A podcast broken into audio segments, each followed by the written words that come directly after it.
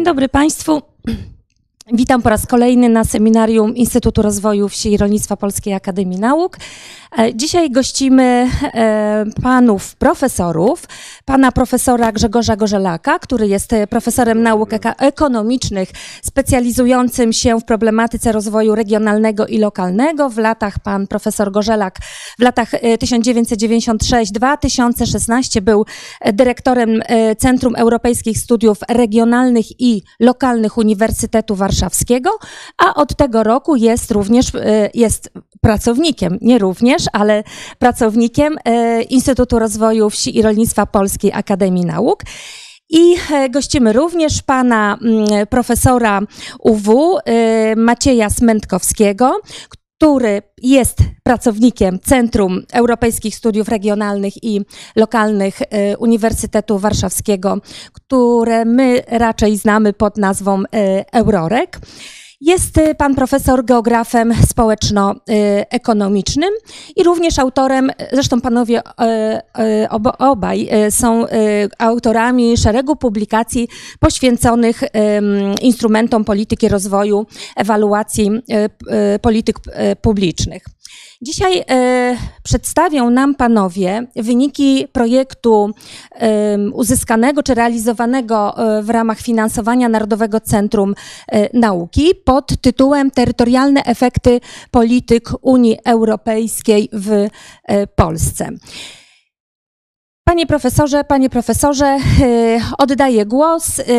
Umawiamy się mniej więcej na 45 minut prezentacji. Potem e, mniej więcej tyle samo na, e, na pytania. Zapraszam również e, słuchaczy online do zadawania pytań zdalnie. Dziękuję bardzo i przekazuję bardzo. głos. Dzień dobry. Pozwolę Państwu. Teraz. Nie mogę, bo jestem związany tutaj. Dobra. Tak, przepraszam. Jak Państwo widzą, y, to jest. Y, będziemy mówili, przynajmniej ja będę mówił y, troszkę poza tym samym projektem NCN-owskim, bo sądzę, że warto też parę innych dość takich szerszych rzeczy opowiedzieć. Zespół, jak Państwo widzą, był taki. E, książka będzie koniec listopada, początek grudnia pod takim tytułem, gdzie jeszcze oprócz tych autorów e, piszą wybitni profesorowie Wilkin, Mazur, Orłowski i pan e, europoseł Krzysztof Hetman. Tak więc e, poza naszymi wynikami to będzie taka szersza otoczka.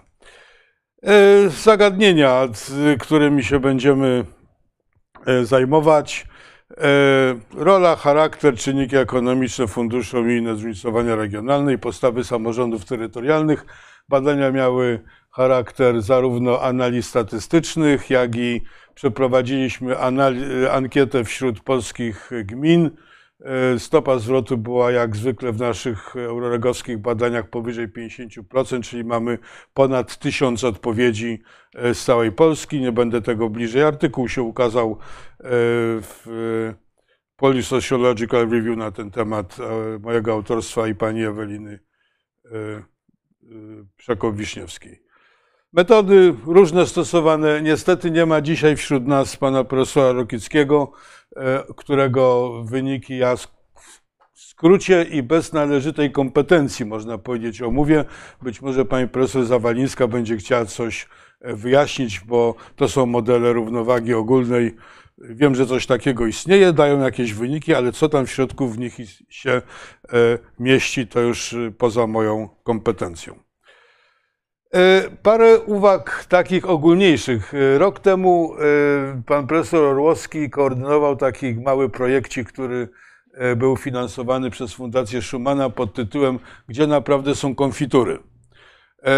Publikacja się ukazała i kilka uwag czy kilka wniosków z tamtego dość interesującego opracowania, w którym też miałem możliwość uczestniczenia, Państwu przedstawię. Po pierwsze, tamtym opracowaniu było wykazane, że z pewnym oczywiście przedziałem e, dokładności środki unijne stanowią tylko mniej więcej 0,7 punktu procentowego ogólnego tempa wzrostu w Polsce od roku 2004 do 2020. Gdybyśmy 20 nie brali pod uwagę, to to tempo byłoby około 4%, bo w 20 mieliśmy covidową recesję.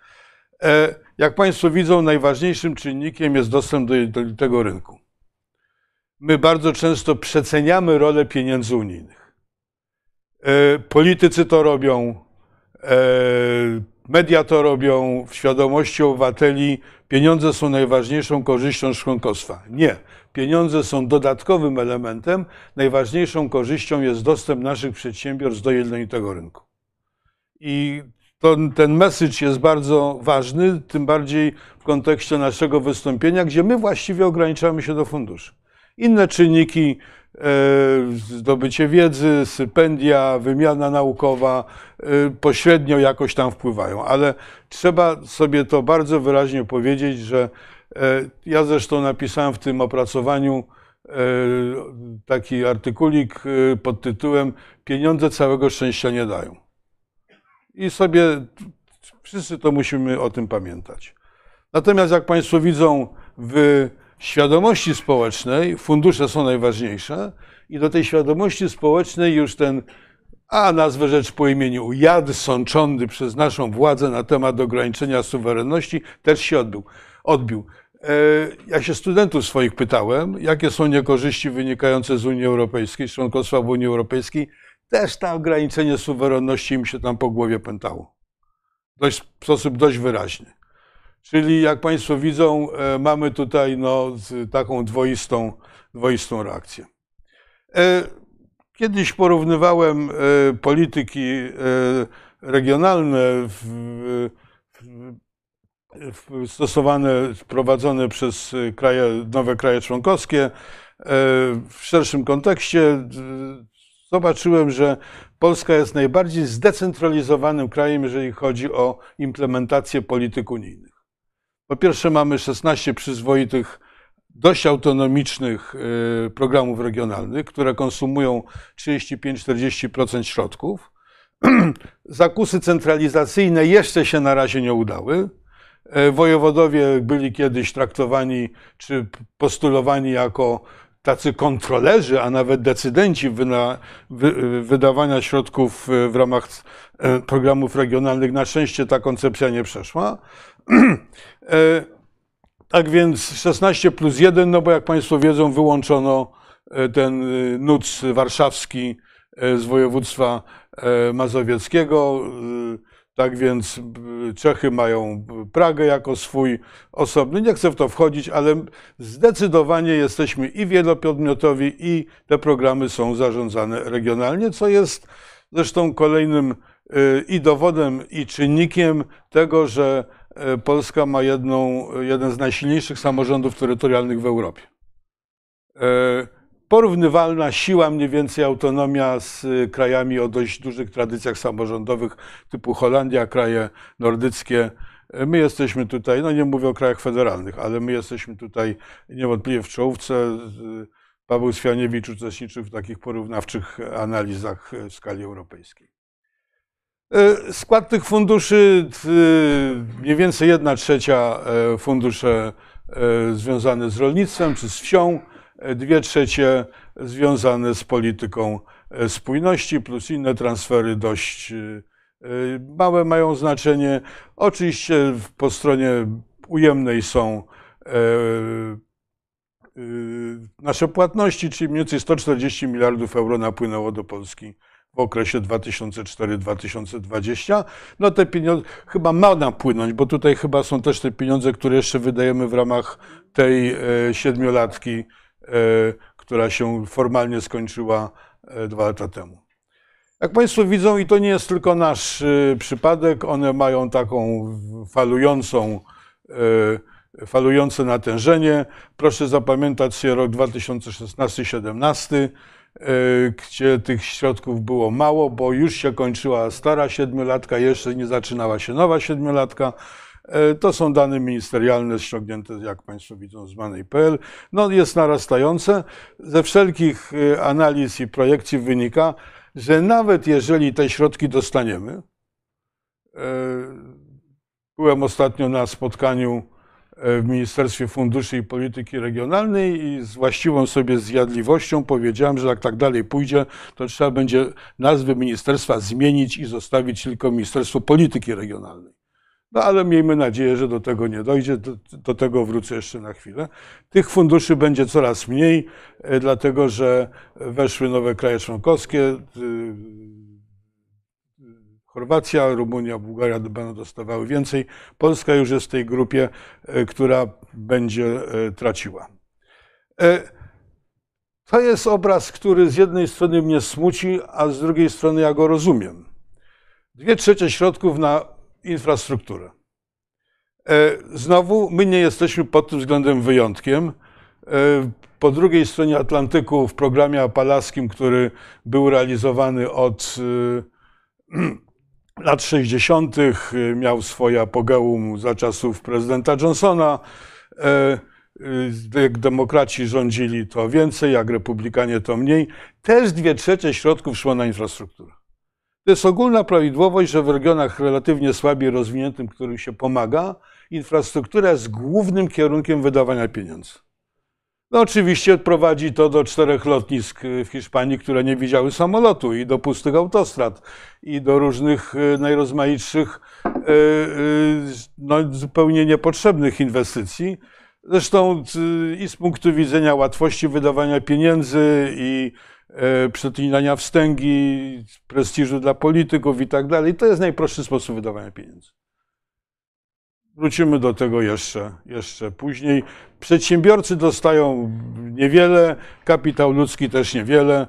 E, ten przechył infrastrukturalny, zresztą Państwo za chwilę zobaczą, e, odbił się i tkwi, jest zakorzeniony od stóp, od głowy do stóp w świadomości decydentów, którzy te środki wykorzystują. E, rozkład tych środków, jak Państwo widzą, jest taki, że relatywnie słabsze regiony dostają e, relatywnie więcej. Być może Maciek będzie chciał to jeszcze skomentować. Przepraszam.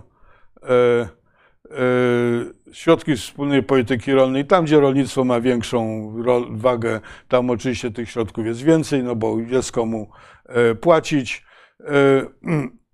No, ponieważ rolnictwo Podkarpacia jest rozdrobnione, więcej ludzi to na mieszkańca e, tego jest relatywnie mniej. Polska Wschodnia i fragmenty Polski Północnej mają tutaj relatywnie więcej tych pieniędzy. To zresztą nie jest takie interesujące, bo to jest taki obraz no, statyczny, prezentacyjny.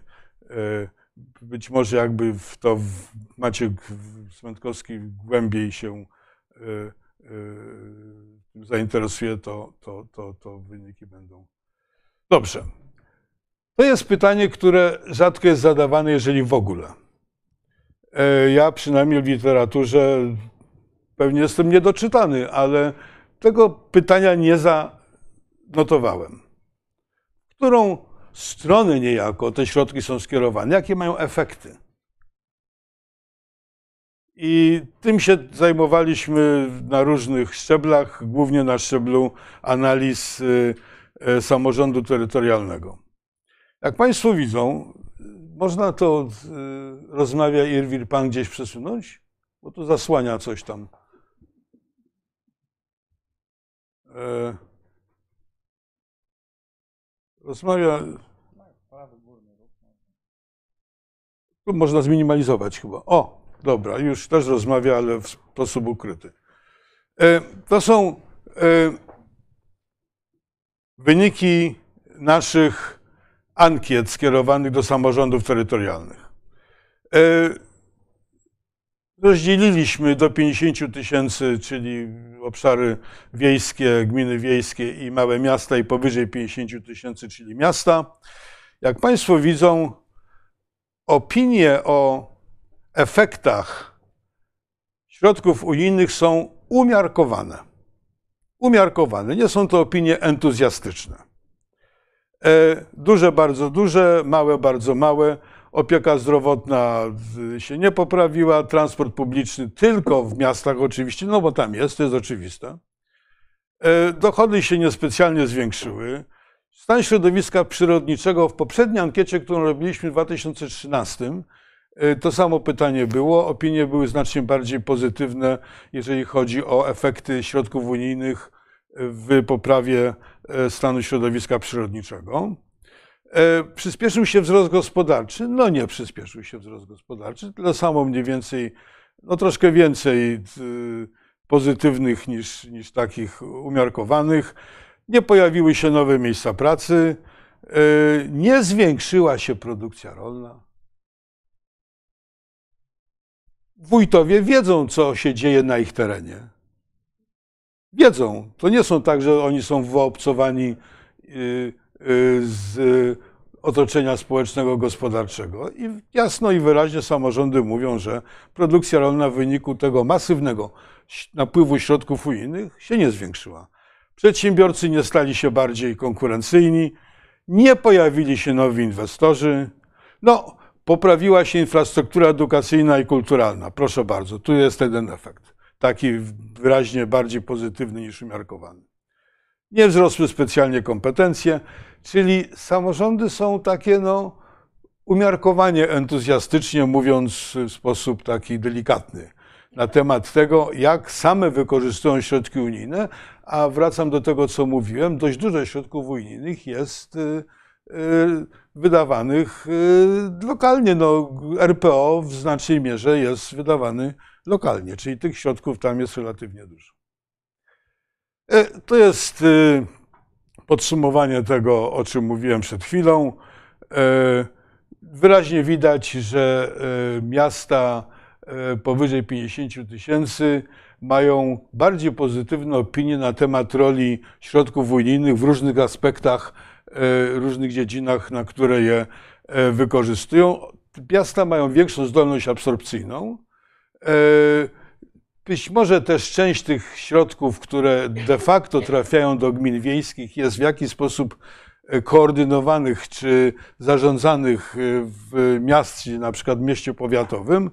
No ale to jest bardzo wyraźny e, e, e, przekaz i on się będzie też potwierdzał jeszcze w jednym elemencie, o którym będę później mówił. Nie było regionalnych różnic. My badamy od lat różnice różnych procesów społeczno-gospodarczych i politycznych w układzie wielkich regionów historycznych, czyli trzech zaborów plus ziem E, zachodnich i północnych. Bardzo wiele aspektów funkcjonowania samorządów terytorialnych jest silnie zróżnicowanych w tym wymiarze. Sprawność, inicjatywność, aktywność, e, najlepsze ziemie e, odzyskane plus Wielkopolska, potem duża przerwa, zabór austriacki, były zabór rosyjski na szarym końcu. To się powtarza E, e, notorycznie przy wszystkich badaniach, których mamy od 1997 roku, taką serię ankiet. Natomiast w tym przypadku nie było jakichś znaczących różnic międzyregionalnych, czyli te opinie były dość e, mało zróżnicowane terytorialnie. A co by gminy chciały? No odpowiedź jest prosta. Gminy chcą więcej pieniędzy, łatwiejszych, mniejszej kontroli i wydać je na infrastrukturę. Jak Państwo widzą, odpowiedzi są stuprocentowe albo bliskie 100%. Czyli gminy są tutaj zachowawcze, e, no, nie są jakoś e, świadome tego, że o te pieniądze trzeba zabiegać i one muszą być wydawane w sposób sensowny. I infrastruktura jest, jak mówię, zakorzeniona od głów do stóp w świadomości działaczy lokalnych. Tak to jest. E, wszyscy chcą dostać więcej i żeby pieniądze były łatwiejsze i żeby kontrola była słabsza. Proszę, 92%. No jest paru takich e, respondentów świadomych i zdyscyplinowanych intelektualnie, ale to jest e, absolutna, absolutna mniejszość. Czyli zachowawcze postawy samorządów, już o tym mówiłem. Mimo niskiej oceny efektów szkoleń, jeszcze to chcą na szkolenia wydawać naszych poprzedniej ankiecie szkolenia były uznane za kompletnie nieracjonalne. E, w 2013 roku taką odpowiedź uzyskaliśmy i nawet wtedy gminy chciały mnie na szkolenia, a teraz widać im przeszło i w dalszym ciągu chcą się szkolić. Efekt popytowy i podażowy. To się czasem pojawia w literaturze, ale rzadko. John Bradley wiele lat temu na ten temat pisał, ale znowu prawdopodobnie jestem niedoczytany, nie widziałem empirycznych analiz tego zagadnienia.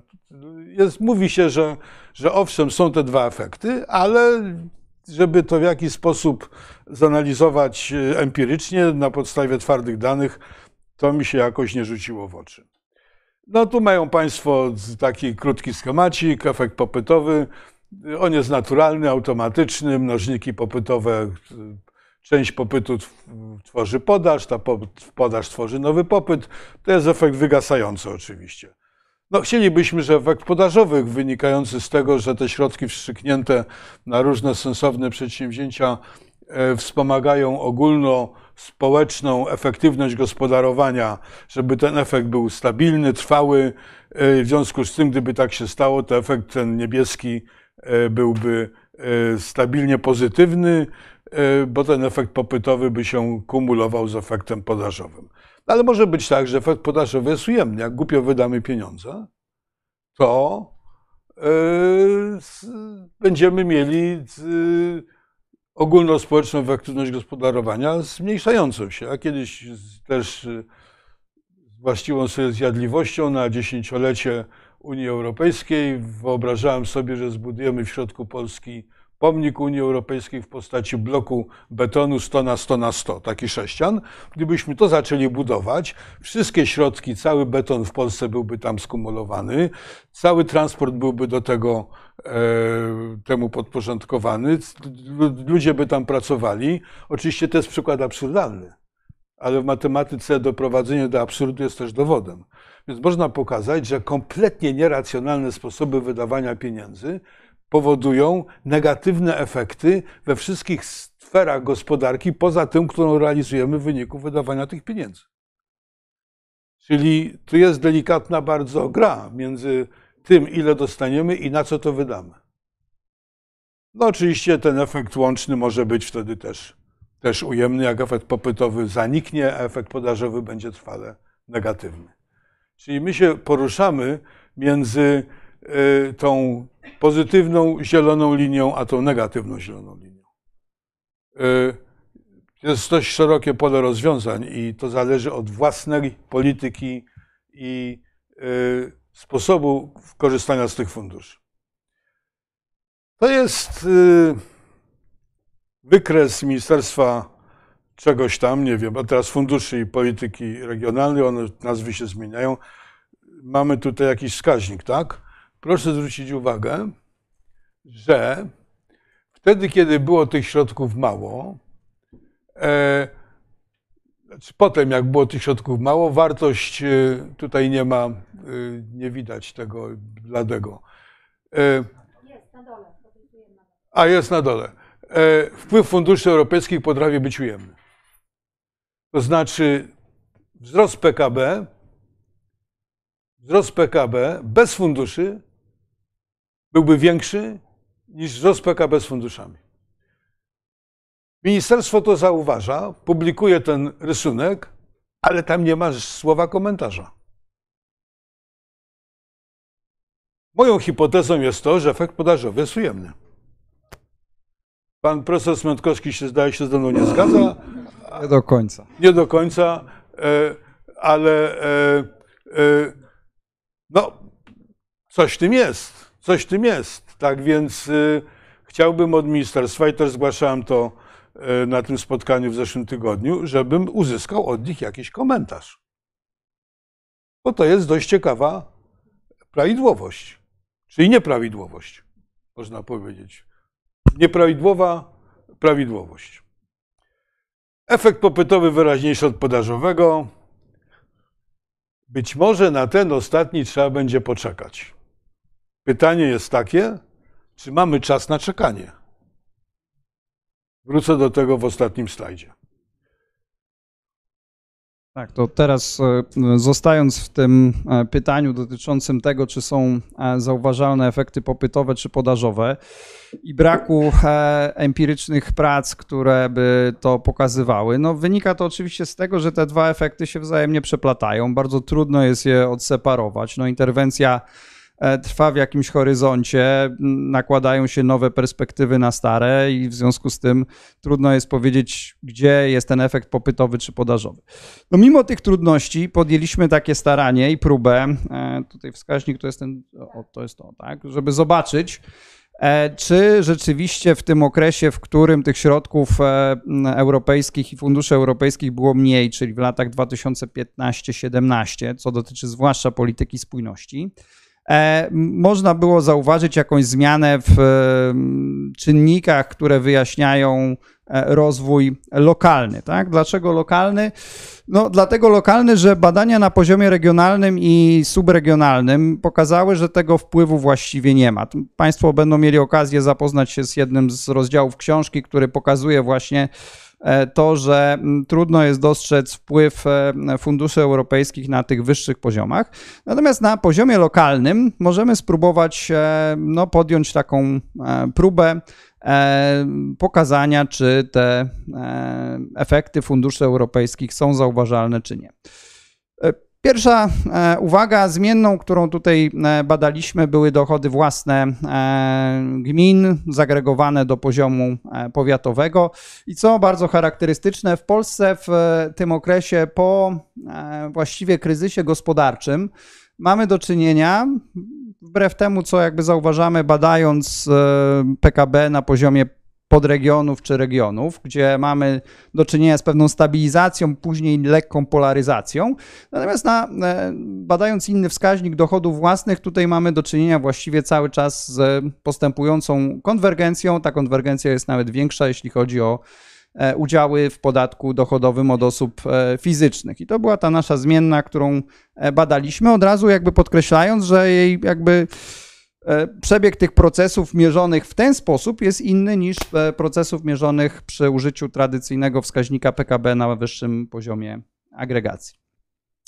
E, I wspólnie z e, Piotrkiem, e, profesorem Wójcikiem, zrobiliśmy dwa modele dla tych dwóch okresów, gdzie staraliśmy się pokazać, na ile tempo czy dynamika rozwoju powiatów zależy z jednej strony od środków unijnych w różnych ujęciach, to znaczy w ujęciu podzielonym na politykę spójności, na wspólną politykę rolną, obejmującą PROW i E, dopłaty bezpośrednie oraz w takim bardziej e, sektorowym ujęciu podstawowa infrastruktura, środowisko innowacyjne i jakość życia. Jednocześnie e, wprowadzając do tego modelu i kontrolując to, ten, to zjawisko, o którym przed chwilą mówiłem, czyli tą konwergencję dochodową na poziomie powiatów.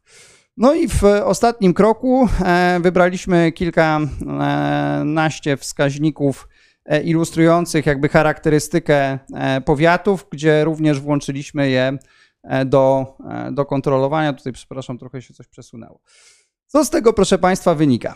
Wynika, że możemy zauważyć tą bardzo widoczną konwergencję, jeśli chodzi o dochody własne gmin.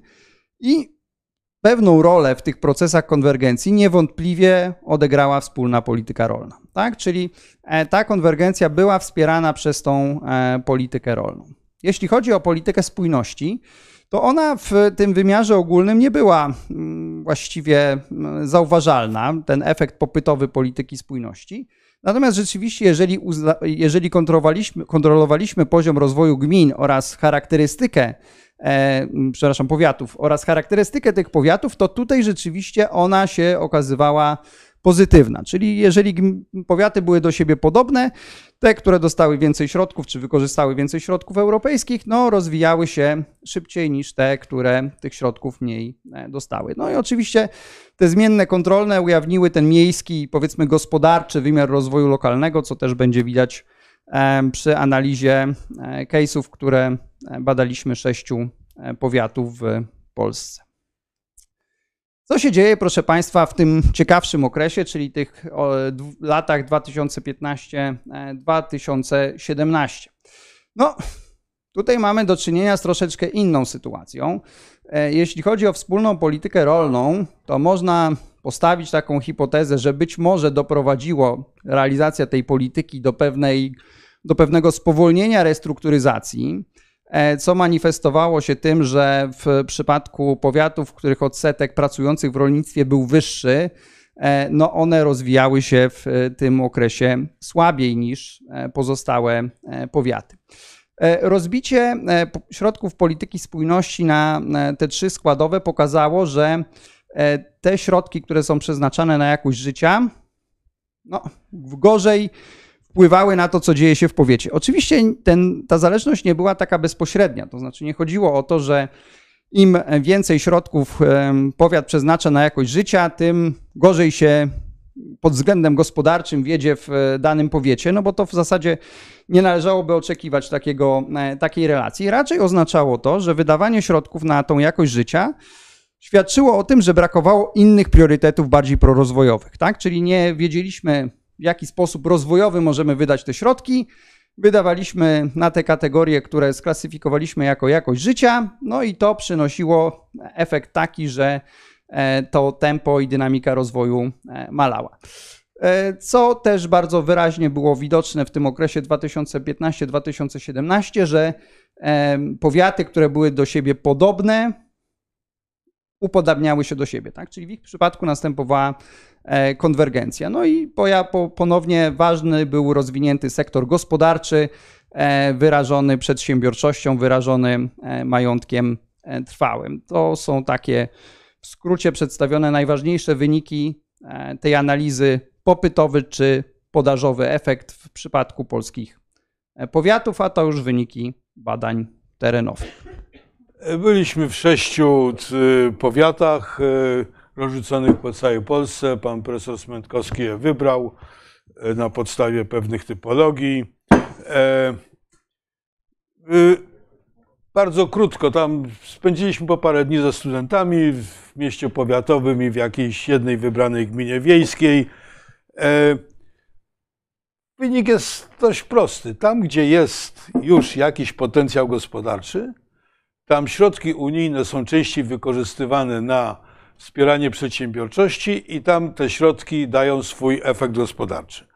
Tam, gdzie nie ma potencjału gospodarczego, tam, gdzie jest taka plaża, tam te środki unijne są wydawane na jakieś y, centrum janitów, tak? których tam nigdy nie było e, i na jakieś inne mniej lub bardziej wydumane rzeczy, albo jakieś y, na przykład czasem Powiat y, ingeruje w środki lokalne, szczególnie wtedy, kiedy jest taka symbioza władzy, no nieważne. Tak więc y, musi być jakiś taki potencjał wyjściowy, żeby było co popchnąć.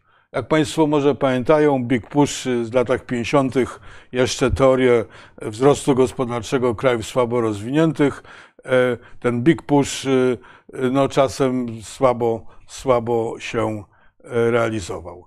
E, czasem widać e, dość duży wolontaryzm, tam gdzie elity mają silną pozycję, szczególnie gdzie jest taki e, ciąg władzy od lokalnych władzy przez regionalne po centralne. Nie będę tego dalej rozwijał, ale spotkaliśmy taki, no często miejscowy poseł ma dość dużo do powiedzenia na temat tego, co się dzieje w poszczególnych gminach. No oczywiście wtedy, kiedy ten ciąg władzy jest monolityczny, podczepiony pod układ centralny. No i jest bardzo duże poparcie w gminie wiejskiej, w gminie miejskiej, e, w mieście, w mieście powiatowym. E, Unia jest zauważana jako coś, coś korzystnego. E, teraz będę mówił głosem pana profesora Rokickiego, który jest w Sewilli, jak się dowiedziałem i dlatego go nie ma z nami. Badał e, za pomocą modelu term, e, czyli model równowagi ogólnej.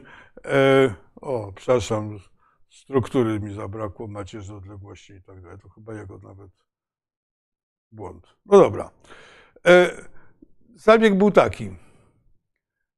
Zabrał pieniądze najwyżej rozwiniętym i dodał te pieniądze najsłabiej rozwiniętym. Jako taką symulację przeprowadził w stosunku do e, modelu wyjściowego. E, zabrał bogatym, których tutaj jest pięć, dodał biednym e, o 20% te przesunięcia były, były dokonane. Jak Państwo widzą, na samym dole jest skumulowana różnica od scenariusza bazowego w zmianie procentowej. Tutaj mamy realny PKB. No, dowód jest taki, że w pewnym momencie, w środku tego okresu, tempo wzrostu rośnie o pół punktu procentowego. Co jest dość zaskakujące. To znaczy, jak będzie konkluzja za chwilę, e, to w pewnym sensie podważa ten znany dylemat równość czy wydajność. To znaczy, według Rokickiego, e, według tego modelu, według jego danych, według jego najrozmaitszych tam e, kalibracji tego modelu, proszę mi wybaczyć, że nic więcej na ten temat nie powiem, ten dylemat tutaj jest nadwątlony, ale to jest przejściowe i niewielkie. To znaczy po pewnym okresie y, to tempo wzrostu, ten dodatkowe tempo wzrostu nieco, nieco maleje w stosunku do tego, co się dzieje w środku tego okresu. Y, podobnie eksport natomiast maleje w sposób bardzo wyraźny y, w skali makro, jeżeli to przesunięcie dokonamy E, tego przesunięcia dokonamy między pięcioma najbiedniejszymi a pięcioma najbogatszymi. E, on nie udostępnił nam jeszcze wyników e, symulacji, w której nie tylko zmienia wielkość środków, ale i strukturę wydawania tych środków. Do książki tego nie dał, bo chce to opublikować w jakimś wydawnictwie zagranicznym. W Regional Studies zdaje się. Przyspieszyłby się proces konwergencji, nie obserwuje się sprzeczności między równością a efektywnością, mniejszy wolumen eksportu, wyższe łączne zatrudnienie w biednych regionach. Być może to łączne zatrudnienie w biednych regionach ma swoje efekty dynamizacji PKB w tych regionach, a być może również w skali całego kraju, bo to zatrudnienie w regionach bogatych by prawdopodobnie nie spadło. Być może powiększyłaby się wydajność pracy, bo regiony bogate mają większą zdolność do intensyfikacji procesu gospodarczych, a regiony słabiej rozwinięte mogą bardziej iść ścieżką ekstensywnej, e, e, ekstensywnego wzrostu e, produkcji. Tyle na ten temat. Efekty Przechodzę do wniosków, ale niech się Państwo nie cieszą, bo to nie będzie koniec mojego wystąpienia, bo jeszcze potem będzie parę innych uwag, takich bardziej ogólnych. E, widać bardziej efekty ogólnocywilizacyjne. Bezpośrednie oddziaływanie gospodarcze było słabsze. Przyczyniły się te fundusze do pewnej konwergencji na poziomie lokalnym i Fundusze wspólnej polityki rolnej spowalniają procesy restrukturyzacyjne na obszarach wiejskich, o czym Państwo doskonale wiedzą znacznie lepiej niż autorzy e, tego opracowania. Mają oczywiście ogromne znaczenie. My nie kwestionujemy, mimo tych zastrzeżeń, znaczenia środków unijnych dla rozwoju kraju. E, pytanie jest takie, jeszcze do tego wrócę w sposób bardziej wyostrzony.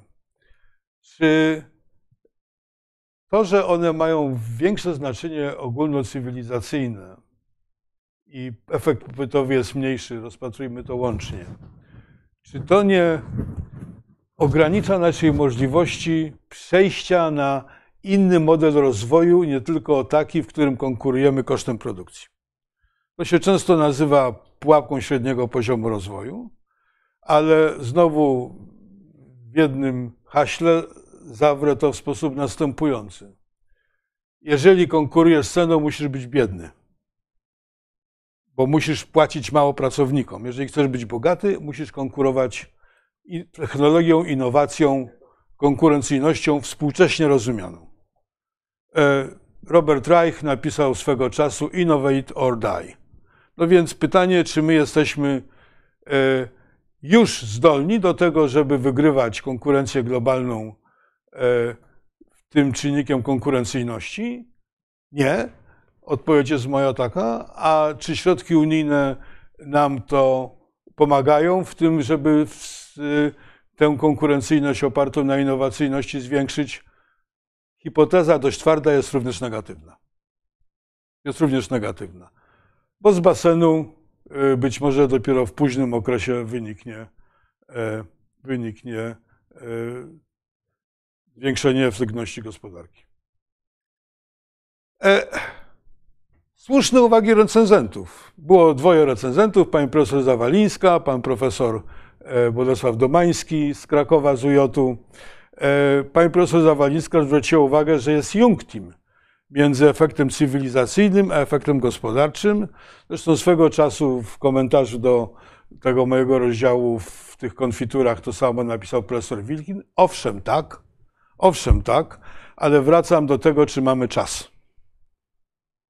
Czy mamy na to czas? Czy mamy czas pławić się w luksusach, wyoszczam trochę, e, zafundowanych nam przez środki unijne, jednocześnie tracąc dystans do tych, którzy w sposób bardzo skuteczny przyspieszają rozwój e, oparty o technologię, innowację i konkurencyjność.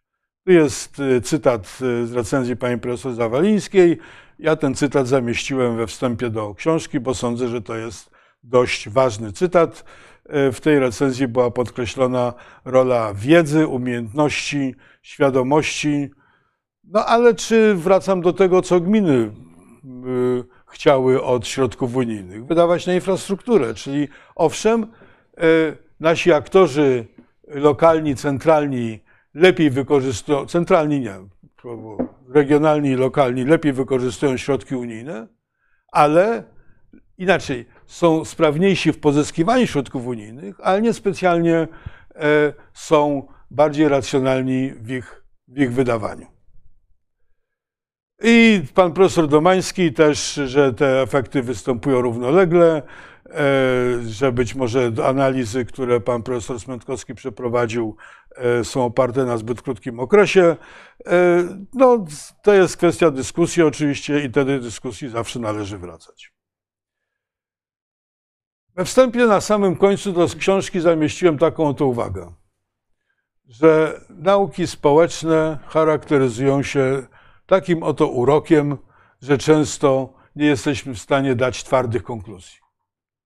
A jeżeli nawet dajemy twarde konkluzje w oparciu o jakiś model i mówimy, tak to jest, bo tak nam wyszło z naszego modelu, to zawsze skrobiąc od dołu ten model można się zastanowić, na jakich założeniach on jest oparty, na jakich danych, a być może jakby były troszkę inne dane, a być może inne jednostki przestrzenne, a być może inne metody, to wyniki byłyby odmienne.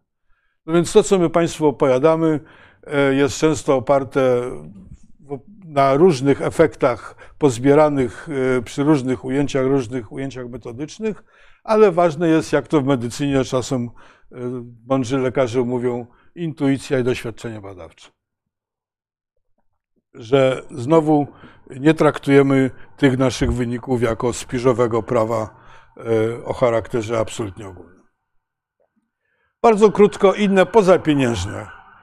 Jesteśmy coraz to silniejsi w eksporcie i coraz to mamy większą nadwyżkę, e, szczególnie w produktach rolno-spożywczych. To pan profesor Poczta w tym naszym raporcie sprzed roku e, pokazał. E, saldo, jak Państwo widzą, jest dodatnie, że to Państwo to wiedzą znacznie lepiej niż ja. Bezpośrednie inwestycje zagraniczne w sposób stały napływają i proszę zwrócić uwagę, że one się radykalnie zwiększyły wtedy, jak myśmy wstąpili do Unii, bo dostaliśmy dzięki temu no, e, świadectwo moralności gospodarczej. E, one nie co ostatnio spadają, dlatego że no, był i COVID i również Y, proszę zwrócić uwagę, że był też pewien spadek po roku 2015, w roku 2016. Różne zawirowania polityczne, prawne też bardziej skłaniają miejscowych przedsiębiorców do ograniczenia działalności inwestycyjnej niż zagranicznych. E, ten zasób y, zagranicznych w Polsce inwestycji stale rośnie, również my inwestujemy za granicą, co jest też efektem naszego członkostwa w Unii Europejskiej. Co jest ważne, te wszystkie głosy, że oni tu przychodzą, wykorzystują nasze zasoby i wywożą pieniądze do siebie, są niesłuszne. W połowie te środki są reinwestowane. W połowie.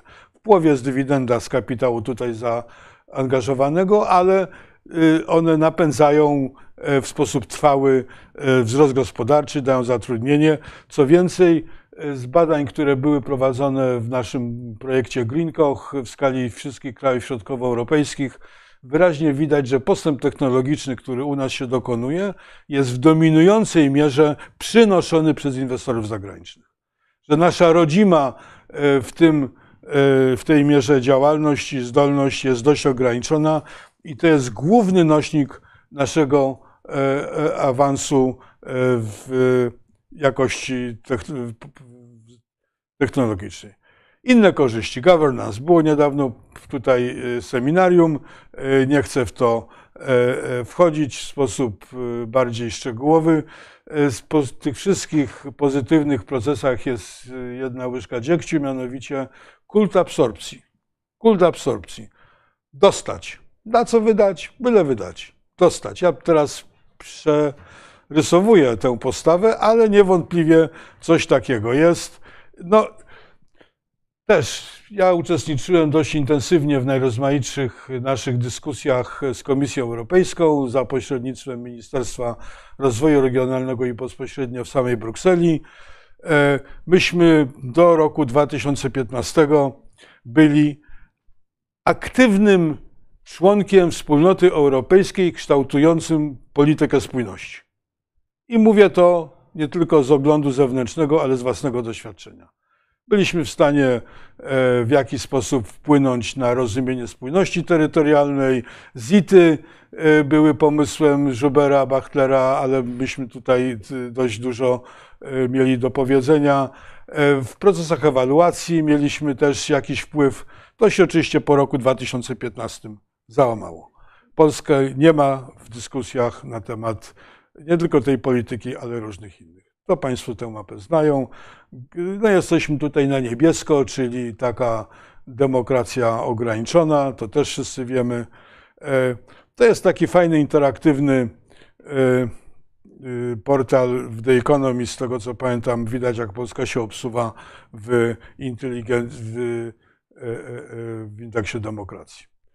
Cały czas jest bardzo wysokie poparcie. Jak Państwo widzą, ono jest na poziomie 80%. Polska jest polskie społeczeństwo jest jednym z największych, jeżeli nie największym entuzjastą naszego członkostwa. Wyzwania. Wykaz subiektywny, mój własny, prywatny.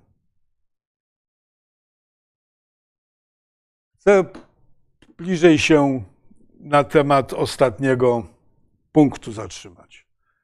E, mało kto w tym gronie pamięta, ale są i tacy, że Kryzys roku 1973 i jego powtórzenie w 1978, wtedy kiedy kraje naftowe przyłożyły straszak e, braku ropy i taniej ropy do głowy krajów wysoko rozwiniętych, starając się wymusić większe kontrybucje na rzecz ich rozwoju, ten pistolet okazał się straszakiem, ale skłonił kraje wysoko rozwinięte do bardzo intensywnego postępu technologicznego. Ja często mówię, że to po pierwsze zapłacili za to recesją i stagflacją w latach 70., bo każda zmiana strukturalna wymaga pewnego kosztu, ale kraje wysoko rozwinięte skręciły z rozwoju ekstensywnego w rozwój intensywny, zaawansowany technologiczny i dalej jedną z przyczyn upadku realnego socjalizmu było to, że myśmy szli prosto, nawet wchodząc w bardzo głęboki kryzys 78-82. Te kraje straciły z 20%, ale odbudowaliśmy. Tezą mojej pracy habilitacyjnej główną było to, że w latach 80. staramy się pokonać kryzys 78-82, przywracając struktury przedkryzysowe. A Zachód skręcił byśmy zapłacili cenę za darmo, a oni zapłacili cenę za nowy model rozwoju. Hipoteza moja jest taka, miękka, ale nie wyłącznie irracjonalna, że być może to, co się w tej chwili dzieje, kryzys energetyczny, załamanie łańcuchów dostaw, już widać, że e, półprzewodniki i te wszystkie układy scalone wracają do Stanów Zjednoczonych, Unia zaczyna to chcieć produkować. E, kontrola e, pierwiastków ziem rzadkich, że to wszystko skłoni kraje wysoko rozwinięte do drugiego wysiłku pójścia w kierunku rozwoju innowacji, innowacjochłonnego, wiedzochłonnego, zaawansowanego technologicznie. że jest pewne podobieństwo między latami 70. a chwilą obecną 50 lat. Jeżeli tak, to to jest największe wyzwanie, przed, my, przed jakim my stoimy. Poza migracyjnym, y, surowcowym, y, deglobalizacyjnym i tak dalej. I również w tej fazie deglobalizacji, czy Polska będzie w stanie i polscy przedsiębiorcy wejść w nowe miejsca w porwanych łańcuchach dostaw.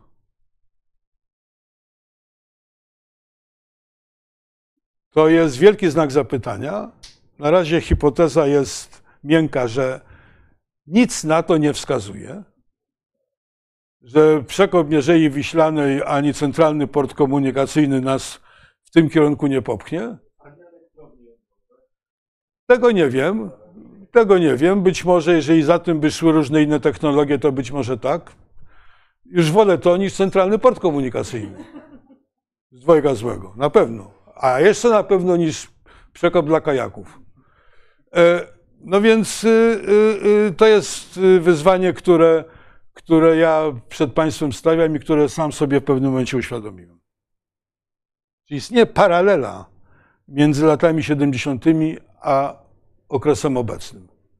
Jakaś jest. Jakaś jest. No, kontynentalne to wszyscy wiemy. E, podobno Turkish Airlines zaczynają lądować w Kaliningradzie, wożąc migrantów z.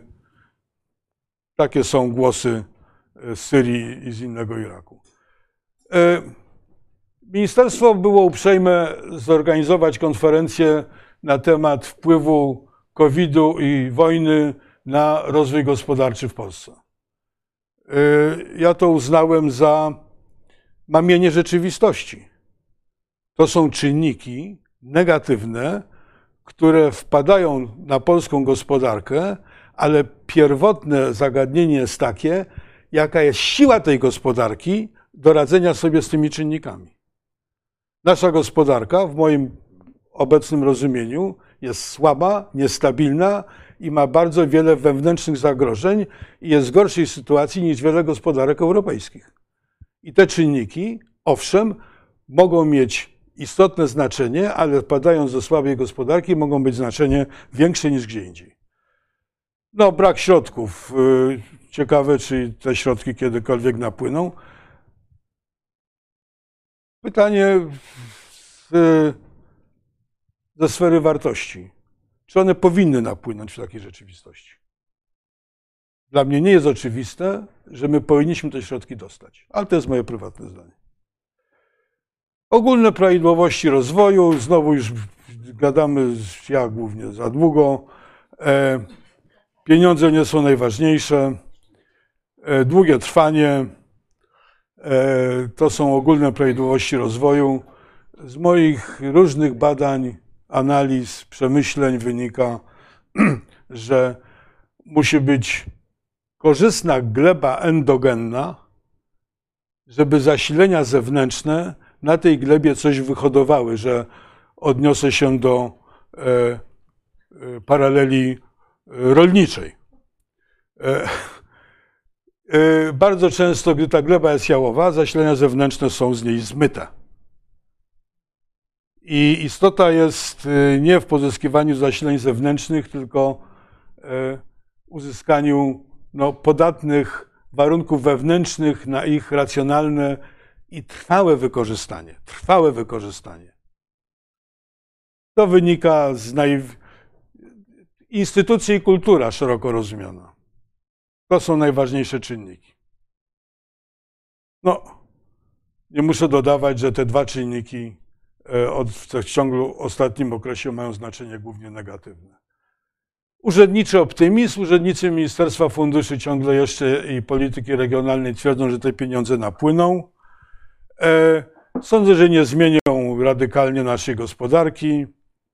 Na co powinny być te fundusze nakierunkowane? Bardziej na e, zagadnienia prorozwojowe i na neutralizowanie największych bezpośrednich lokalnych zagrożeń.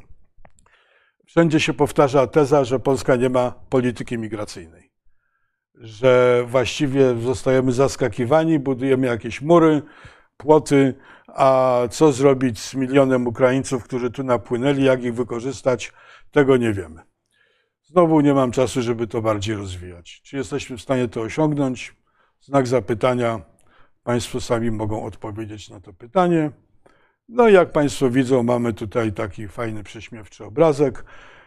E, Noland w naszym przypadku, jakbyśmy się chcieli e, polexitem zajmować, Withdraw Warsaw, taka ładna nazwa na ten, no Brexit był, Frexit, Quitali, to jest taki prześmiewczy obrazek, jak poszczególne kraje mogą się nazywać wtedy, kiedy sobie zrobią różne swoje exity. Dziękuję za uwagę. Nie przekroczyłem godzin, nie przekroczyliśmy godziny. Nie, nie. Jest y, trochę niż 45 minut, ale końcówka mm, dała dużo, myślę, do myślenia y. do dyskusji jest dobrą pozytką. Otwieram, proszę Państwa, dyskusję. Proszę o, y, o głosy. Y, Czy w internecie coś tam się dzieje? Na razie nie. Okej. Czyli y, jest do, Państwa dyspozycji. Profesor Krzyżewski, pan profesor Niżnik. Dobrze, to mów. Dobrze, to panie profesorze, pan profesor Dlaczego nie Niżnik. powinniśmy dostać tych? Dlaczego nie powinniśmy Tak, dostać, słyszę, słyszę. y, tych środków? Y, W obecnych stanie tak zwanej praworządności, cytuję e, oficjalną e, retorykę, sądzę, że Polska nie powinna dostać tych środków, bo nie spełnia warunków, które są fundamentem integracji europejskiej. No tak, no ale jak, nowy rząd, to te środki mogą napłynąć. A liczę na to. A no właśnie, no to to nie było jasne. Tak, nie, nie, no nie powinniśmy dostać w obecnych uwarunkowaniach, dlatego że no, to proste powiedzenie, że Unia Europejska nie jest bankomatem, jest fundamentalnie słuszne. Dziękuję bardzo. dziękuję panie profesorze. Pan profesor Krzyżewski y, online zdalnie. Możliwość. Dzień dobry panie profesorze.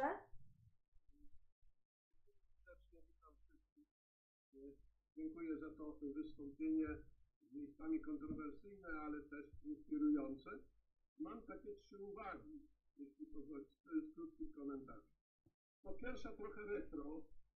Pamiętam jak y, w tej recenzji pracy habilitacyjnej pan profesor Eugeniusz Gorzelak napisał, napisałem pracę na temat podstaw, y, ekonomicznych podstaw urbanizacji wsi w Polsce to był 83 rok i Eugeniusz Gorzelak napisał, że habilitant potwierdził, że różnice są e, między dynamiką rozwoju gospodarczego obszarów wiejskich i rolnictwa zgodne z podziałem e, na zabory, czyli zgodnie z granicami zaboru.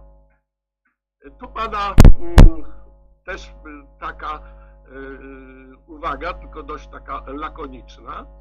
Ja chcę zapytać, czy w współcześnie w aspekcie regionalnym, badań regionalnych, powiatowych, widać, można powiedzieć, że granice zaborów e, ze względu na działanie funduszy e, europejskich się zacierają. I co jest inspiracją do takiego, e, dla takiej tezy? Otóż prowadziliśmy badania niedawno w województwie pilskim. Wprawdzie to nie są, nie jest to kwestia zaborów, ale to jest województwo, które było kiedyś e, podzielone, bo współcześnie go nie ma oczywiście, e, między tą e, część należącą do II Rzeczpospolitej i, trzecią, i część należącą do Rzeszy, mniej więcej po połowie.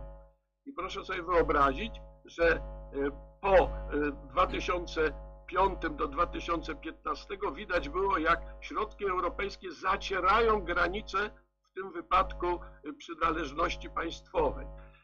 Więc y, y, pytanie jest y, konkretne. Czy z tych Waszych y, badań wynika, y, że y, w skali tej y, regionalnej, powiatowej y, granice zaborów się zacierają, przynajmniej tak było do 2015 roku, y, czy też y, y, i, i w jakiej stopniu, w jakiej skali? To jest pierwsza taka rzecz, co mnie ciekawi. Drugie, y, druga kwestia jest taka. Co mi zabrakło w tych y, Państwa y, opracowaniach? No, w odniesieniu to no trudno, żeby tego nie powiedział, skoro 20 przeszło lat prowadzę takie badania nad strukturą budżetów rolnych, to znaczy budżetu krajowego, budżetu środków europejskich i, i, i, i łącznego budżetu rolnego. I z tej struktury analizy budżetów rolnych, opublikowane zresztą są w Ekonomiście y, za lata, prawda, badania za lata, y, w tym wypadku y, y, 2005-2020, ale także z odniesieniem do 96 roku. I tam bardzo wyraźnie widać, że jeżeli w 2014 i 2015 roku następowała multiplikacja krajowego budżetu rolnego środkami Unii Europejskiej, to po 2015 to oczywiście y, następuje repolonizacja, jakbyśmy powiedzieli, re, renacjonalizacja y, tych środków i zmienia się struktura budżetów rolnych, y, wydatków budżetów rolnych Unii, budżetu rolnego Unii Europejskiej. Co też y, można y, skojarzyć z tym, co pań, panowie mówicie o tym y, umiarkowanym optymizmie odnośnie, prawda, y, tych y, ostatnich badań y, oddziaływań regionalnych w stosunku do pierwotnych. Trzecia taka uwaga to jest, y, dotyczy kwestii y, tego, co pan profesor Gorzelak y, był łaskaw y, powiedzieć, że y, trochę ze zdziwieniem odniósł się do tego i, y, wychodzi z badań, że korzystnie jest alokować środki unijne początkowo przynajmniej w, obszarach czy gminach mniej rozwiniętych niż bardziej rozwiniętych. Jak to powiedzieć, że to jest oczywiście dość konsekwencja przede wszystkim poziomu bazy, struktury bazy. Tam jest ze względu na słabszy rozwój są y, środki powodują początkowo oczywiście większą dynamikę, to dla mnie jest y, zupełnie y, prawda y, do przyjęcia. No i najbardziej mi się podoba mm, liczne stwierdzenia pana profesora Żelaka, że o tak zwane y, twarde, y, y, twarde y, y, y, y, twarde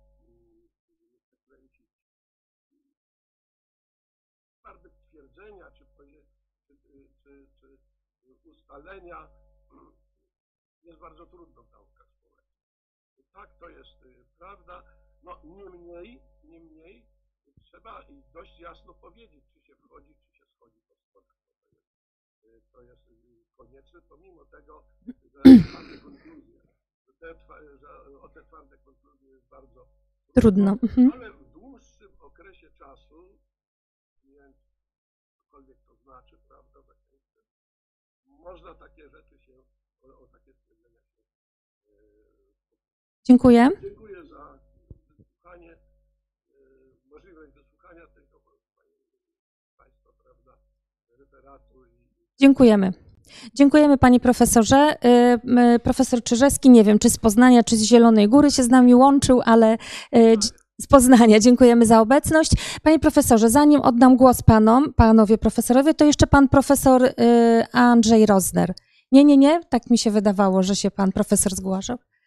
Aha, jeszcze pan poseł Ryszard Wilczyński. Y, To może jeszcze jedno pytanie i wtedy oddam panu głos, tak? Jedno, jedno, jeden głos. Już panu daję. Y, y, y, Panie pośle, proszę, y, oddajemy panu głos.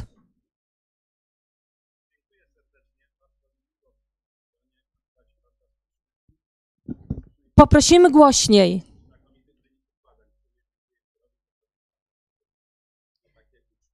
Panie, panie Ryszardzie, poprosimy głośniej, bo nie słyszymy y, pana. Może pan po prostu podnieść głos troszkę, bo y, tutaj mamy problemy z nagłośnieniem. Y, Czy ja, czy Teraz. ja dam radę to zrobić? Jest już okej, jest już okej, proszę mówić, tak. Czyli na, zacząłem od podziękowań, że mogę w tak znakomitym gronie wysłać wspaniałej prezentacji i znakomitych wyników badań, które burzą wiele stereotypów. I teraz również dziękuję Elwirowi za zaproszenie, że mogę w tym gronie być. I teraz przejdę do rzeczy, a mianowicie z punktu widzenia obszarów wiejskich, z punktu widzenia mm, procesów demograficznych, o których nie było dużo, to trzeba powiedzieć e, tak, owe te czynniki mm, regionalne, polityczne spowodują, że będziemy mieli, że mamy dwie zamknięte w tej chwili granice z Białorusią i obwodem kaliningradzkim. Sytuacja z Ukrainą też nie jest, nie jest lepsza, a więc te czynniki, które do tej pory, w przypadku na przykład Kaliningradu działały prorozwojowo tam, w tej chwili zanikły. A widać, jak się wyludnia Polska wiejska. Ona właśnie wy, wyludnia się na tym, w tym wektorze północny wschód, generalnie najbardziej. No i oczywiście w, w osi kraju y, tam jest, tam jest lepiej. Teraz chciałbym również zwrócić uwagę na jedną waż, ważną rzecz. Mianowicie, co się stanie, jeżeli środków unijnych braknie? Otóż o obszarach zapadających się demograficznie wiemy, że mamy wtedy wszystkiego mniej. Mniej ludzi, mniej potencjałów, mniej y, pro, produktu, jak gdyby. W tej chwili unijna kroplówka uzupełnia te braki. Powoduje, że dzięki transferom unijnym ta negatywna spirala rozwoju nie jest tak y, czytelna. To znaczy, y, środki unijne uzupełniają to, czego nie dostarcza lokalny, lokalny rynek. Wycofanie tych środków oznacza natychmiastowe zaistnienie tej negatywnej spirali rozwoju związanej z kolapsem demograficznym i pogłębi zapadanie się y, tych obszarów. Chciałbym również zwrócić uwagę, że Polska wykazuje zdumiewający brak zdolności reakcji na, na megatrendy, na przykład depopulacyjne. Nie wyprodukowano do tej pory żadnej istotnej Y, polityki, która przeciwdziałałaby depopulacji i zapadaniu się y, całych obszarów wiejskich, a, wiemy, że jak tak dalej pójdzie, to za jakieś 15, 20, 25 lat będziemy mieli gdzieś z 10 tysięcy pustych wsi po prostu, najzwyczajniej w świecie. Także prosiłbym o uwzględnianie również w tym rachunku korzyści faktu, że póki co fundusze unijne hamują nam to, co w istocie jest nieuchronne, czyli katastrofę na bardzo wielkich obszarach wiejskich, gdzie depopulacja jest, jest faktem. I na koniec w ostatnim roku e, urodziło się raptem 119, 319 tysięcy dzieci. Oczywiście wiemy, że dlaczego się tak mało urodziło, bo prezes ujawnił nam, że to jest przy, e, powodem jest tutaj oczywiście alkoholizm kobiet, no ale nawiasem mówiąc, fakt jest taki, że dziennie sprzedajemy w Polsce 2 miliony małpek. I na tym chciałem skończyć. Dziękuję panie pośle. Pan poseł jest, jest posłem z ziemi opolskiej, e, która te problemy demograficzne bardzo dobrze rozumie i jako pierwsze województwo zresztą opracowywało politykę demograficzną. I choć nie wiem skąd się pan łączył, czy z Opola, czy z Warszawy. E, a, czyli z, pod Opola. Okej. Okay. Ta wieś niewyludniona, ale opolskie też ma te problemy, nie tylko Polska Wschodnia. E, dziękuję. E, kolejne pytanie. E, pan profesor Kowalski i pan profesor. Kowalczyk, przepraszam, Kowalczyk i pan profesor Józwiak. Panie profesorze, proszę. Dziękuję bardzo. Ach, bo mieliśmy oddać głos. To już teraz na pewno oddam głos po pana profesorze wystąpieniu. Przede wszystkim gratuluję, bardzo interesujące wystąpienie, natomiast na bazie wypowiedzi panów profesorów nasuwają się takie dwa, przynajmniej dla mnie, dwie wątpliwości. Znaczy pierwsza, gdy pan profesor mówił o tym takim dobrym miejscu Polski, jeżeli chodzi o decentralizację programów regionalnych, tak, bo mamy tam 16 plus 1 i tak dalej, i tak dalej, no to oczywiście pozwala nam jakoś tam samopoczucie sobie poprawić, ale czy to przypadkiem nie jest tak, że porównywane były te, te, nasze stanowisko było porównywane z takimi krajami, gdzie tych programów regionalnych po prostu nie ma. Czy, czy w badaniach na przykład porównywano, nie wiem, do, do, do Niemiec albo do, do Hiszpanii e, sytuację, jeżeli chodzi o ilość programów regionalnych, tak? Bo tu być może obraz by się zmienił, tak? E, I to pier, pierwsze pytanie. I drugie, drugie pytanie, mianowicie jak pan profesor ocenia E, czy jak, jak pogodzić e, takie dwa zjawiska, o których e, była mowa w wystąpieniach, a, a które się tak wydają trochę jakby no, do siebie nie pasowały. Znaczy, z jednej strony ta postępująca decentralizacja programów unijnych, która rzeczywiście postępuje tam od pewnego, od pewnego momentu, tak jak tutaj pan profesor pokazał, tylko pierwsze programy z tej agendy 2004-6 były programami scentralizowanymi, zresztą z panem doktorem Dregasem, żeśmy notabene przygotowywali te programy. E, e, W każdym bądź razie następne one już były zdecentralizowane dosyć mocno, chociaż przyznam, że nawet w tym pierwszym okresie e, ochota na decentralizację była bardzo silna ze strony całego ośrodka ówczesnego, ówczesnego wicepremiera profesora Hausnera. E, No i my jeżdżąc wtedy po Polsce, rozmawiając z samorządami, y, mieliśmy okazję usłyszeć, co prawda nie powszechne, ale takie stanowisko, które zaskakiwało. To znaczy, część samorządów była przeciwko tej decentralizacji. Z jakiego powodu? Ano z takiego prostego, wydawałoby się, powodu, że były obawy wtedy, że jeżeli decyzje będą zapadać tam na samym dole, to te środki będą kierowane głównie, jak to się mówi kolokwialnie, do znajomych królika, tak? Y, I w tym momencie no, część zostanie w ogóle wykluczona z możliwości dostępu do tych środków, albo też, y, jak się okazuje, to co pan profesor powiedział, znaczy, że y, no, te, te inwestycje idą powszechnie na, na, na, na, na infrastrukturę i to być może dobrze, ale czasami no, te pomysły. Ja patrzę na swój rodzinny Nałęczów. W centrum miasteczka był dworzec autobusowy. Dworzec zlikwidowano, centrum zabetonowano, postawiono pergolę z winem takim krzewiącym się i kilka ławek. Nie, fontanny jeszcze nie, nie ma, natomiast być może w następnym etapie będzie, będzie fontanna. I ta, w związku z tym, jeżeli to jest tak, że ta decentralizacja będzie postępować, ja to rozumiem, naturalny proces. A z drugiej strony teraz, co w takim razie zrobić, jak pogodzić z tym stanowiskiem naszych władz lokalnych y, na poziomie gminy czy powiatu, no, które będą rz- rzeczywiście no, y, y, przede wszystkim inwestować w to, co pozwoli im w kolejnej kadencji utrzymać władzę, tak? No, zawsze lepiej jest dofinansować, nie wiem, kawałek drogi na jakoś tam y, wieś, tak? I zadowolić, nie wiem, 150 wyborców, niż dać innemu przedsiębiorcy, który zatrudnia 6 osób, tak? Zawsze to będzie ten dylemat. Albo w kapitał ludzki, bo tego też nie widać, bo to Albo jest za tak, miękkie. Tak, Tak. dziękuję bardzo. E, Dziękuję bardzo, panie profesorze. Oddaję panu głos. Panom głos.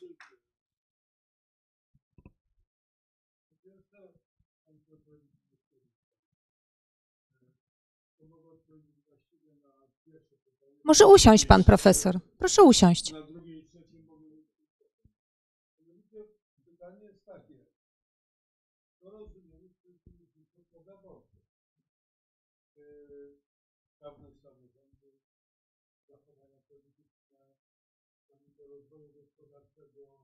Zagospodarowanie materialne, że po prostu zwiększyła a ono ma wynik. Z naszych innych badań nie maleją. Owszem, w zachowaniach wyborczych e, głosowanie na Prawo i Sprawiedliwość rozszerza się e, poza te tradycyjne, skoncentrowane układy terytorialne, ale to jest wynikiem raczej procesów ogólnospołecznych niż jakiegoś zacierania się ludzi. Jeżeli chodzi o sprawę samorządu, nie widzimy e, zacierania się. Jeżeli chodzi o dynamikę gospodarczą, raczej ta dynamika gospodarcza też e, się nie e, e, upodabnia. Natomiast z tego, co zaobserwowaliśmy w reakcjach gmin na nasze ankiety.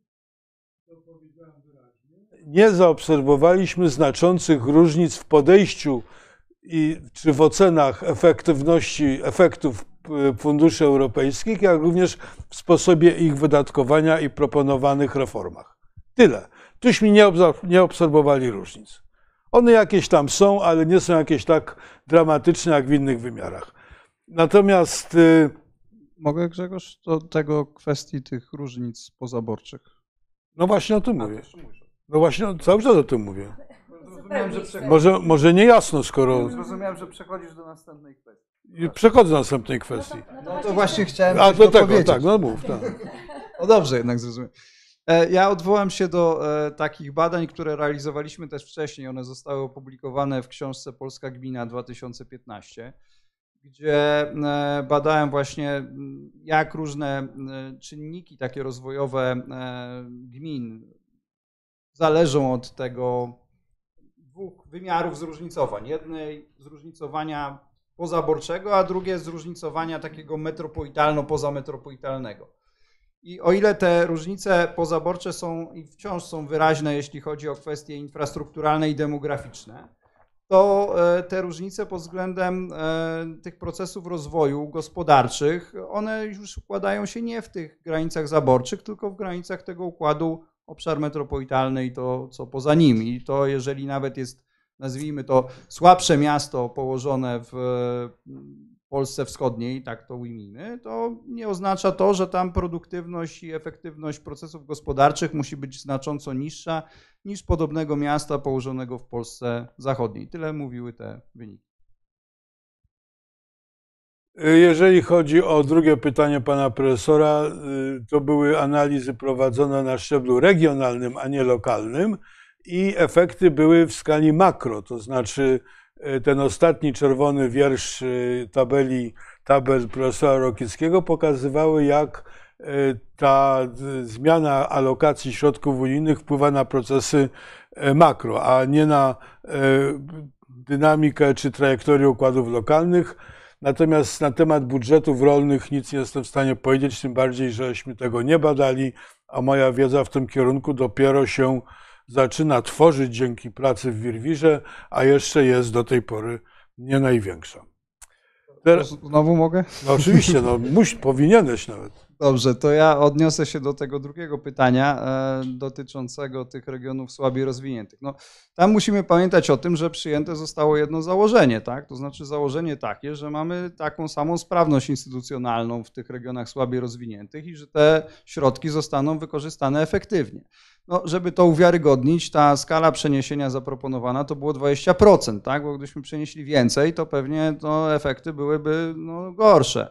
E, druga rzecz, to co tam też było widać w tych tabelach, że być może gdyby przedłużyć to prognozowanie w jeszcze dłuższym okresie, to okazałoby się, że ten efekt e, netto no, już przestaje być dodatni, a zaczyna być, e, zaczyna być ujemny. Więc to jest no, złożona kwestia. Ona też, proszę Państwa, wypłynęła, bo w tych badaniach analizowaliśmy również wpływ inwestycji prywatnych na, na dynamikę rozwoju regionów. I tam nie było widać żadnego związku takiego wyraźnego, korelacyjnego.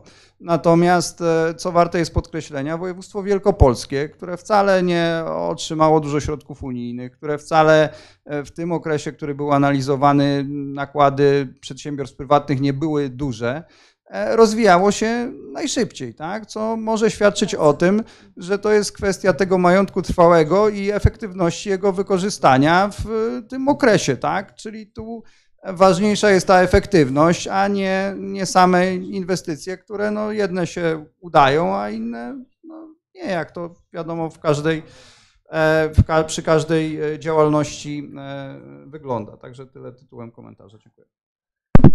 Drugi dyskutant. Granice. Sądzę, że rola granic jest przeceniana. Swego czasu pan profesor Smętkowski pokazał poziom rozwoju gospodarczego nutców trzecich w skali e, wszystkich krajów e, tak zwanych postdemoludów, czyli nowych krajów członkowskich. E, wyraźna była prawidłowość. Obszary przygraniczne są gorzej rozwinięte i notują słabszą dynamikę rozwoju.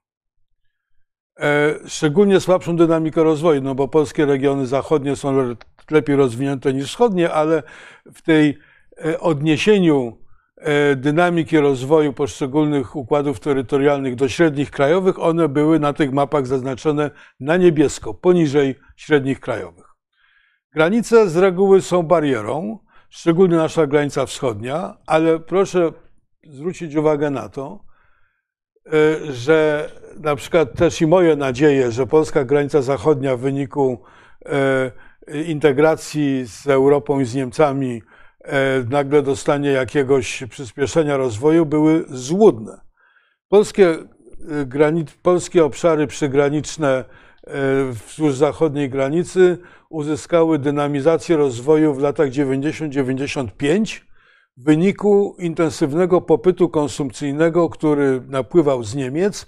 Co więcej, ten popyt konsumpcyjny był skoncentrowany w miastach, w których były przejścia graniczne. Między tymi miastami była cały czas pogłębiająca się taka zapaść jeszcze postniemiecka, no tak to nazwie, nazwę w wielk- wielkim skrócie.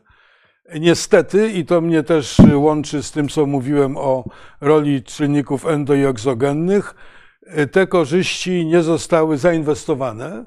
Tym bardziej, że w znacznej mierze dochody z tego handlu wypływały poza ten układ, mianowicie tam były i straganiarze, i produkty spoza y, samego pasa przygranicznego. Jak się ten popyt skończył, właściwie te ziemie y, zachodnie zostały z niczym, dlatego że nie były w stanie akomodować tych korzyści przekuć ich na y, jakieś trwa, podstawy do trwałego rozwoju.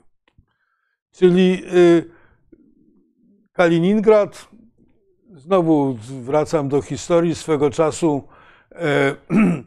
Założyliśmy klub sukcesu lokalnego, gdzie kilkunastu wójtów, burmistrzów, takich najbardziej prężnych się spotykało raz na jakiś czas. Byliśmy w Gołdapi. Tam był taki bardzo. e, Pamiętam jego nazwisko, ale zapomniałem, tak to może ujmijmy. E, e, Światły burmistrz, który Gołdapią górę narciarską wybudował i tak dalej. I on się mówi tak, tutaj mamy y, ten szmugiel, e, zarabiają ludzie bardzo dużo, e, dzięki temu się rozwijamy. Na co wójt Cierczek, to pamiętam i nie zapomniałem, z Lewina po drugiej stronie Polski, w Kotlinie Kłodzkiej, Lewin Kłodzki, który sam sobie stworzył tę gminę, mówił, słuchaj, syn prawdopodobnie w tydzień zarabia więcej niż ojciec w dwa miesiące, bo ojciec pracuje na posadzie, a syn szmugluje. To łamie struktury rodzinne, społeczne, praworządności. To jest korzystne w krótkim okresie, ale z punktu widzenia szerszego układu psychospołeczno-gospodarczego to jest zabójcze. Trzeba o tym pamiętać, że takie korzyści powierzchowne często mają swoje bardzo duże e, podteksty trwale niekorzystne, destrukcyjne. Pamiętam, co wójt Cierczek powiedział wtedy. E, e, Poza tym drugie pytanie. Nie sądzę, żeby fundusze unijne były w stanie istotnie wpłynąć na procesy demograficzne. Ani na migrację, ani na rozrodczość. No jeżeli te 2 miliony dziennie małpek wybijają kobiety do 25 roku życia, to e, rzeczywiście, ale fundusze unijne konsumpcji małpek nie, ani nie działają na to pozytywnie, ani negatywnie. Tak więc mamy do czynienia, nie sądzę, żeby tu był czynnik sprawczy. No jest cała dyskusja na temat tego, czy e, wyludnianie się niektórych obszarów wiejskich jest korzystne czy niekorzystne. E, Prawdopodobnie w skali lokalnej niekorzystne, w skali ogólnokrajowej postawiłbym twardą tezę, że korzystne. Przypominam raport Banku Światowego z 20 2009 roku, który e, koncentrację e, traktował jako jeden z ważniejszych czynników rozwoju. Owszem, fundusze unijne mogą e, mieć znaczenie w tym, co pani profesor Halamska nazywa racjonalnym e, zarządzaniem depopulacją. I od wielu dziesiątek lat, bo już pracuję dość długo, się przeciwstawiałem takim tezom, że każde wyludnianie się jest niekorzystne, e, a to racjonalne zarządzanie depopulacją to jest ten kierunek, zresztą, e, który chyba sam e, pan profesor swego czasu sugerował, mówiąc o, jeżeli dobrze kojarzę, sytuacjach bez powrotu. E, Mogę? Tak? No, oczywiście. To ja się znowu włączę. E, W tym pierwszym mnie przywołałeś, to tylko powiem, że no oczywiście to zależy od rodzaju granicy, tak? Bo jak spojrzymy sobie na Bratysławę i sukces, jaki odniosła dzięki temu, że sąsiaduje z Wiedniem, no to wtedy jakby zrozumiemy, że to jest no, silnie zależne od kontekstu. Nie dlatego, że Bratysława jest przy granicy, tylko dlatego, że jest stolicą i wielkim miastem. No. Ale również dlatego, że jest blisko Wiednia. No, oś Budapeszt-Wiedeń przez Gior też ma swoje znaczenie. Tak, no są przypadki, ale to raczej przy przejściach. Dobrze, a jeśli chodzi o te kwestie demograficzne, to ja lubię podawać przykład Katalonii i Barcelony, której w, na początku XX wieku proporcja ludności wynosiła 50% w obszarze metropolitalnym Barcelony do 50% w pozostałej części Katalonii. Współcześnie ta proporcja wynosi 80 do 20%, ale współcześnie, jak porównamy sobie PKB na mieszkańca pozostałej części Katalonii i Barcelony, to okaże się, że jest ona taka sama. Więc tutaj e, trzeba pamiętać o tym, że te procesy depopulacyjne, które oczywiście są negatywne w krótkim okresie, o tyle w długim okresie mogą no, jednak wpłynąć na te procesy paradoksalnie konwergencji. Y, Pan profesor mówił o tej y, decentralizacji. Myśmy badali tylko e, kraje, nowe kraje, znaczy ta, ta tabelka jest tylko do nowych krajów członkowskich, do Europy Środkowo-Wschodniej. No, w, we Włoszech jest y, dwa razy c- 40 parę, bo oni nie mają dwufunduszowych, tylko jednofunduszowe programy operacyjne, ale y, w Polsce jest Przepraszam, nie jestem w stanie powiedzieć, jaka część środków unijnych w różnych krajach europejskich jest zarządzana regionalnie. Ale w Polsce jest to prawie 40% i to jest bardzo istotny czynnik. E, Z badań ostatnich e, Pawła Swianiewicza wynika, że o ile środki rządowe są dzielone po uważaniu politycznym, o tyle środki regionalne nie są tak dzielone. Czyli y, wszyscy znajomi królika dostają tyle samo, co nieznajomi królika. Czy podobne wielkości. Czyli na szczeblu regionalnym kumoterstwa politycznego w zasadzie nie ma. Ono jest wyraźnie na szczeblu centralnym. E, No, to już jest znowu samorządność polega na tym, że e, układ samorządowy ma prawo do błędu. Tyle. I jak sobie wybetonują i zrobią fontannę, no to jak się to podoba mieszkańcom, to sami sobie winni. No. Nic nie jestem w stanie dodać. y, I bardzo dobrze, można powiedzieć. Ja się z tego cieszę. Tym bardziej, że znacznie bardziej wierzę w mądrość rozproszoną niż mądrość skoncentrowaną na wiejskiej czy w alejach y, ujazdowskich. Zdecydowanie bardziej. Dziękuję panie profesorze. Jeszcze druga runda pytań. Pan profesor Józwiak pierwszy.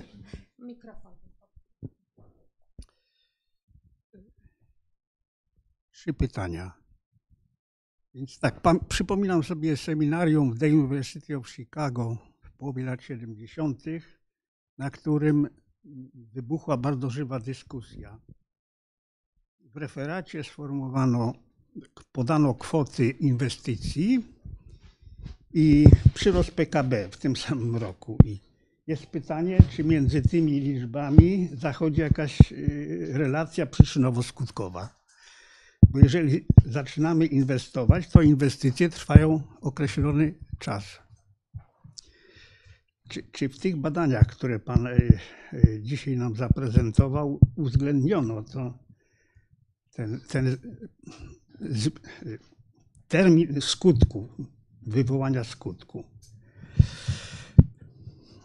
Poza tym, jak się patrzy na wieś, gdzie, gdzie wybudowano drogę asfaltową i możliwość wyjazdu dzieci do szkół, czy też poszukiwania pracy poza wsią, to też wymagało to sporo czasu, żeby zbudować infrastrukturę na obszarach wiejskich. Czy to nie miało jakiegoś wpływu, to opóźnienie skutków y, w tych efektach, o których, którymi chcielibyśmy się chwalić? To jest pierwsze pytanie jak się rozmawia z wójtami, to oni oczywiście podkreślają znaczenie, chcę zdobyć środki na inwestycje, środki unijne, ale muszę zaproponować takie rozwiązania, które pozwolą mi się zmieścić z realizacją w okresie rozliczeniowym. To około pięciu lat, właściwie krócej, bo na ogół trwa półtora roku czy ileś, zanim środki są uruchomione, a potem zostaje określony okres czasu. Czy to nie jest jakiś hamulec tych y, tych, o których dzisiaj nikt chyba nie powiedział, czy to nie jest jakiś hamulec, który wyraźnie pogorszył efekty środków płynących z Unii do Polski. Mm. I, i trzecia, trzecie moje pytanie, właściwie uwaga. E, Panowie podkreślali podział Polski na województwa i powiaty. Ja chciałbym zwrócić uwagę na podział na gminy. Jeden z moich młodszych kolegów y, taką analizę sporządził w tym roku. Otóż okazuje się, że y, wyraźnie można w Polsce podzielić gminy na dwie grupy. Jedne ze znakomitymi warunkami naturalnymi, ze znakomitą glebą, prawie bez lasów, prawie bez obszarów pokrytych wodą, y, z małą ilością łąk i druga połowa, druga połowa gminy, gdzie, jest, gdzie lasy, wody i łąki zajmują 70% powierzchni.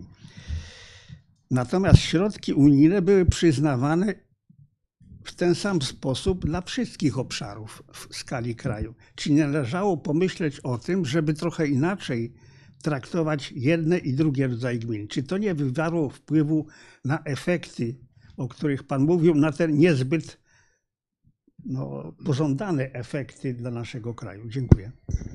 E, Dziękuję panie profesorze. Tak, e, tu, tu mogę dodać, e, że faktycznie realizując badania w terenie,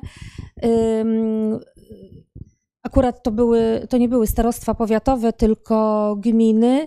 Zdecydowanie te gminy z, o, z dużym udziałem obszarów Natura 2000, 90-100%, to ym, czuły się wykluczone z możliwości starania się o wiele środków, bo po prostu ym, blokady inwestycyjne nie mogły poczynić tych inwestycji ze względu na ograniczenia środowiskowe. One nawet założyły właśnie taki klub e, gmin z powierzchnią, z obszarami Natura 2000. Mm, Ale z tego, co wiem z kolei z naszego projektu, który co prawda 10 lat temu w poprzedniej perspektywie finansowej realizowaliśmy, to y, nic z tego nie wyszło i te gminy nie uzyskały y, specjalnych warunków y, w, zakresie gospodarowania tymi zasobami w inny sposób. E, Czy są jeszcze jakieś pytania z, od nas tutaj z sali, a w internecie? Nie ma. E, Ja może dołożę jeszcze do tego pytania mm, takie. Pan profesor w tym jednym z pierwszych dylematów powiedział rozwój gospodarczy czy postęp cywilizacyjny. Ja rozumiem, że w recenzji profesor Zawalińska zwróciła na to uwagę. Ja również zwracam uwagę. I chciałabym pana profesora zapytać y, też przewrotnie. A jak pan profesor by postawił tam y, nie alternatywę, ale koniunkcję? To, y, to jaka, jak, jaka by była interpretacja tego? Czy możliwa jest w ogóle? Czy, czy, czy pan to y, traktuje rozłącznie, czy jednak jako taki efekt skumulowany? No bo mm, wydaje się, przynajmniej mi, że rozwój gospodarczy po rozwoju gospodarczym następuje mm, postęp cywilizacyjny. E, Czy jednak rozwój gospodarczy, jeżeli schodzi nam ym, ten efekt, no to postępu cywilizacyjnego nie ma. Nie, on jest zawsze, tylko może dynamika y, jest jego, jego, jego niższa. Chodzi tu o alternatywę i koniunkcję pomiędzy tymi dwoma, dwoma określeniami. I, I dobrze, i tyle. Dziękuję bardzo. Dziękuję. E, Nie sądzę, żeby y, ograniczenia. Właściwie gminy i różni beneficjenci mają, jeżeli zaczną swoje projekty na początku okresu programowania, no to mają e, nie, N plus 2, to znaczy nawet czasem N plus 3, czyli mogą wydawać te środki, rozliczać jeszcze 2-3 lata po zakończeniu okresu programowania. No, trudno jest y, wyobrazić sobie takie przedsięwzięcia lokalne, których czas realizacji ma być dłuższy niż 5-6 lat. To są, y, nie sądzę, żeby to było jakąś, jakąś wielką barierą. E, y, Oczywistą jest rzeczą, że inwestycje przynoszą skutek po jakimś czasie. E, Natomiast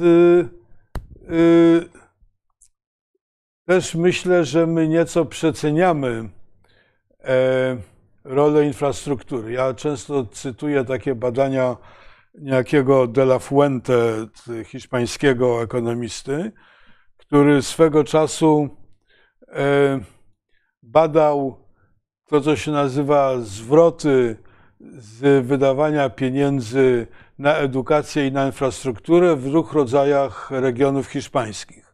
I paradoksalnie, i często to powtarzam za nim, największe korzyści z inwestowania w regionach słabo rozwiniętych przynosiło rozwijanie edukacji, a infrastruktura była najbardziej potrzebna w regionach już wysoko rozwiniętych, bo w obydwu tych przypadkach trzeba było rozwijać to, czego brak jest największą barierą.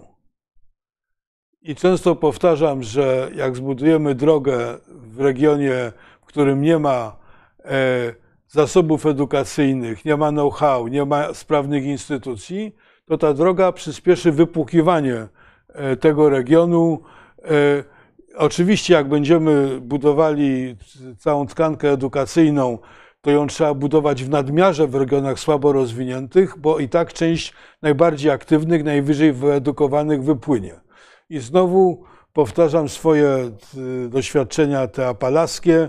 E, tam był taki zamysł w latach 60., żeby budować drogi w regionie słabo rozwiniętym, bo te drogi przyniosą zasoby do tego regionu.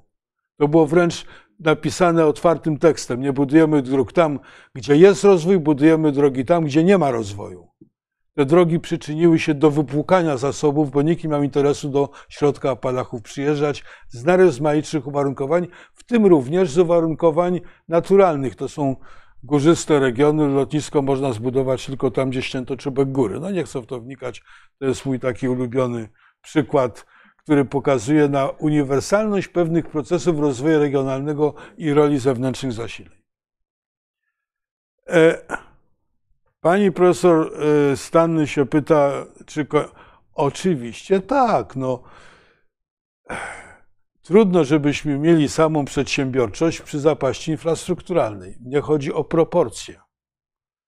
Nie chodzi o to, powtarzam, czy mamy czas na cieszenie się z autostrad słusznie, ale czy mamy czas na cieszenie się z wybetonowanych rynków, z najrozmaitszych urządzeń,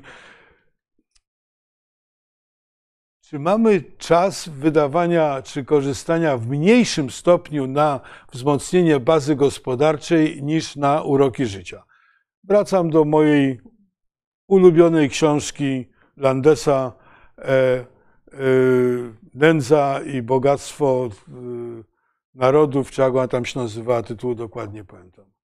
I wracam do miasta, w którym byłem dwa tygodnie temu, do Cáceres stolica Ekstremadury, najbiedniejszego regionu Hiszpanii, skąd pochodzili konkwistadorzy, którzy przywieźli złoto i srebro i zainwestowali to w pałace. To jest jedno z najpiękniejszych miast na świecie. Pałace z piaskowca, w obrębie jeszcze arabskich murów. Mają Państwo szczęście, że nie mam ze sobą swojego komputera, bo Państwu te zdjęcia pokazał. No więc i Landes pisał, Hiszpanie urzekli się swoim bogactwem, użyję słowa staropolskiego, zapoznając podstawy gospodarki. Ja często mówię o paraleli między Hiszpanią XVI-XVII wieczną, a Polską XVI-XVII wieczną, gdzie myśmy swoje dochody z eksportu zboża przeznaczyli na z jednej strony pałace, a z drugiej strony na tym, o czym Pobłocki mówił w tym samym miejscu, e, second serfdom, wtórną pańszczyznę. I cofnięcie się feudalizm, zanik miasta i, i tak dalej, i tak dalej. Radości życia oczywiście są piękne, ale radości życia przemijają. Ta infrastruktura w pewnym momencie skruszeje.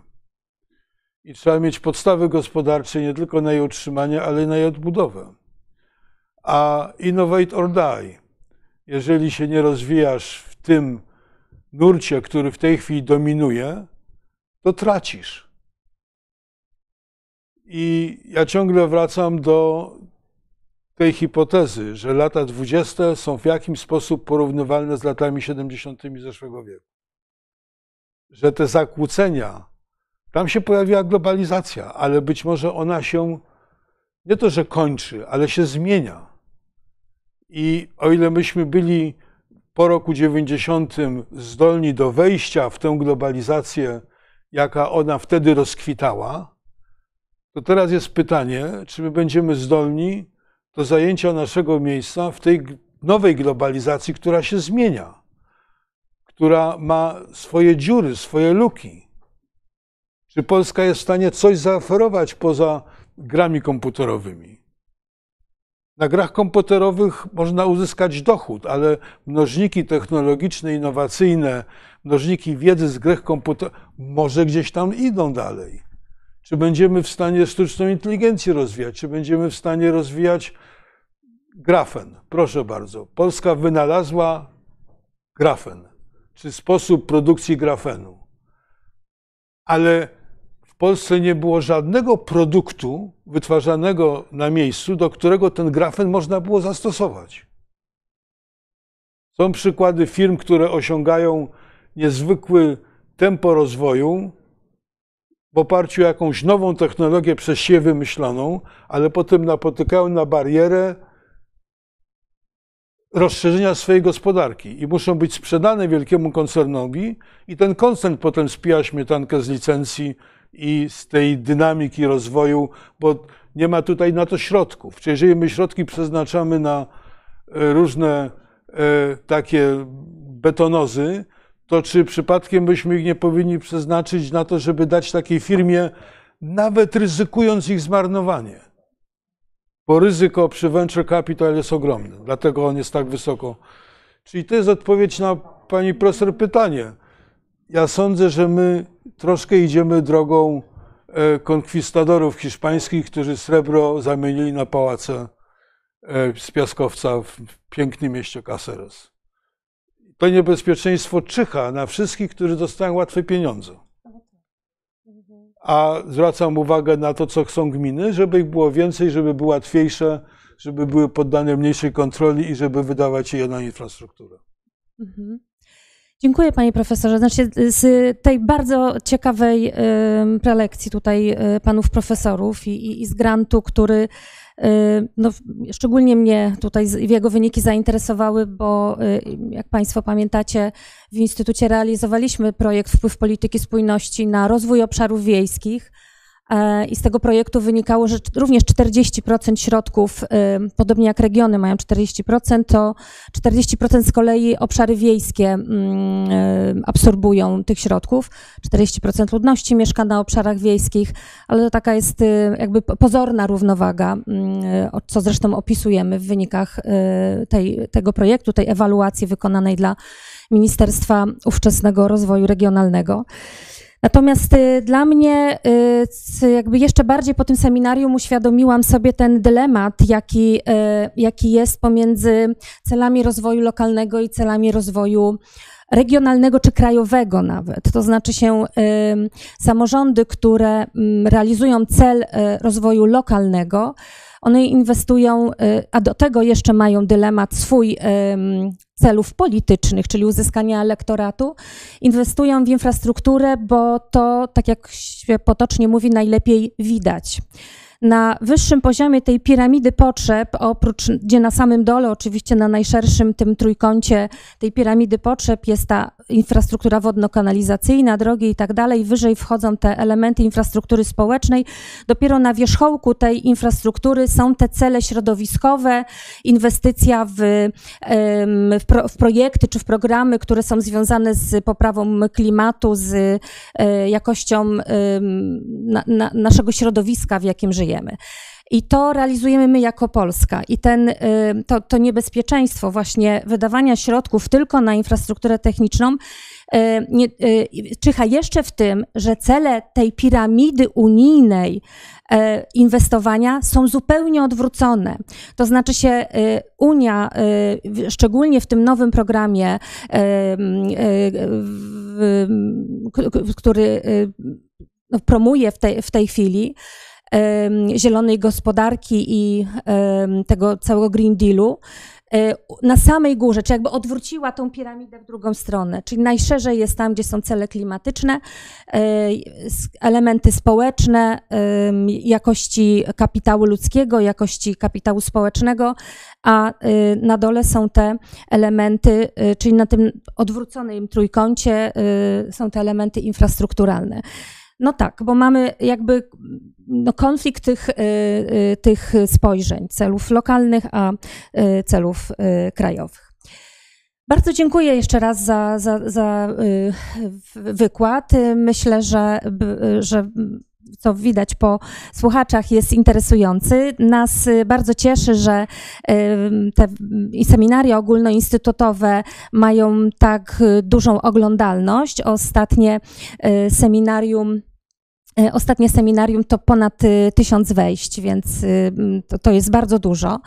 E, I bardzo dziękuję osobom, które przybyły dzisiaj e, na to seminarium tu e, w, w sali e, Biblioteki Instytutu Rozwoju Wsi Rolnictwa. Bardzo dziękuję panu profesorowi jako naszemu pracownikowi, że zaprezentował jeszcze wyniki z projektu realizowanego w Euroregu. E, Dziękuję też Euroregowi za to, że pomógł nam promować e, tą, e, to, to seminarium. Oczywiście Fundacji Wspomagania Wsi, która nas tutaj wspiera od strony medialnej.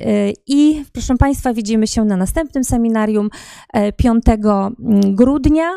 E, Jeszcze do końca trwają ustalenia, więc nie zapowiem tematu tego seminarium, bo na, nastąpiła mm, mała, mała zmiana i musimy tam dopracować ale jednocześnie y, zapraszam y, Państwa 21 listopada, to co prawda nie będzie ogólnoinstytutowe seminarium, ale 21 listopada mm, będziemy dalej kontynuowali temat y, mm, aspektów ukraińskich i rozumienia, jakby zrozumieć Ukrainę mm, lepiej. Y, To będą tematy związane z mm, właśnie reformą decentralizacji w Ukrainie, zarówno y, te aspekty poruszymy, które są związane z budowaniem wspólnot lokalnych i ze zmianą ustro, y, może nie ustroju, ale podziału administracyjnego Ukrainy, e, ustroju terytorialnego, tak to można określić, jak i również drugi wątek będzie związany z konsekwencjami tej decentralizacji e, w rynku ziemi. E, Dziękuję jeszcze raz Państwu i do zobaczenia na następnych seminariach Coś to powiem, Instytutu. przepraszam, tak, ukazał bardzo. się w studiach regionalnych i lokalnych artykuł Pawła Swianiewicza na temat decentralizacji w Ukrainie. O, super. Teraz w nowym numerze Nie, nie, pewnie, w jednym z tak? ostatnich. Z ostatnich, Dwa, dobrze. trzy temu, numery temu. Dobrze, dziękuję bardzo. Dziękujemy. Do widzenia. Dziękuję. Dziękuję Państwu za cierpliwość.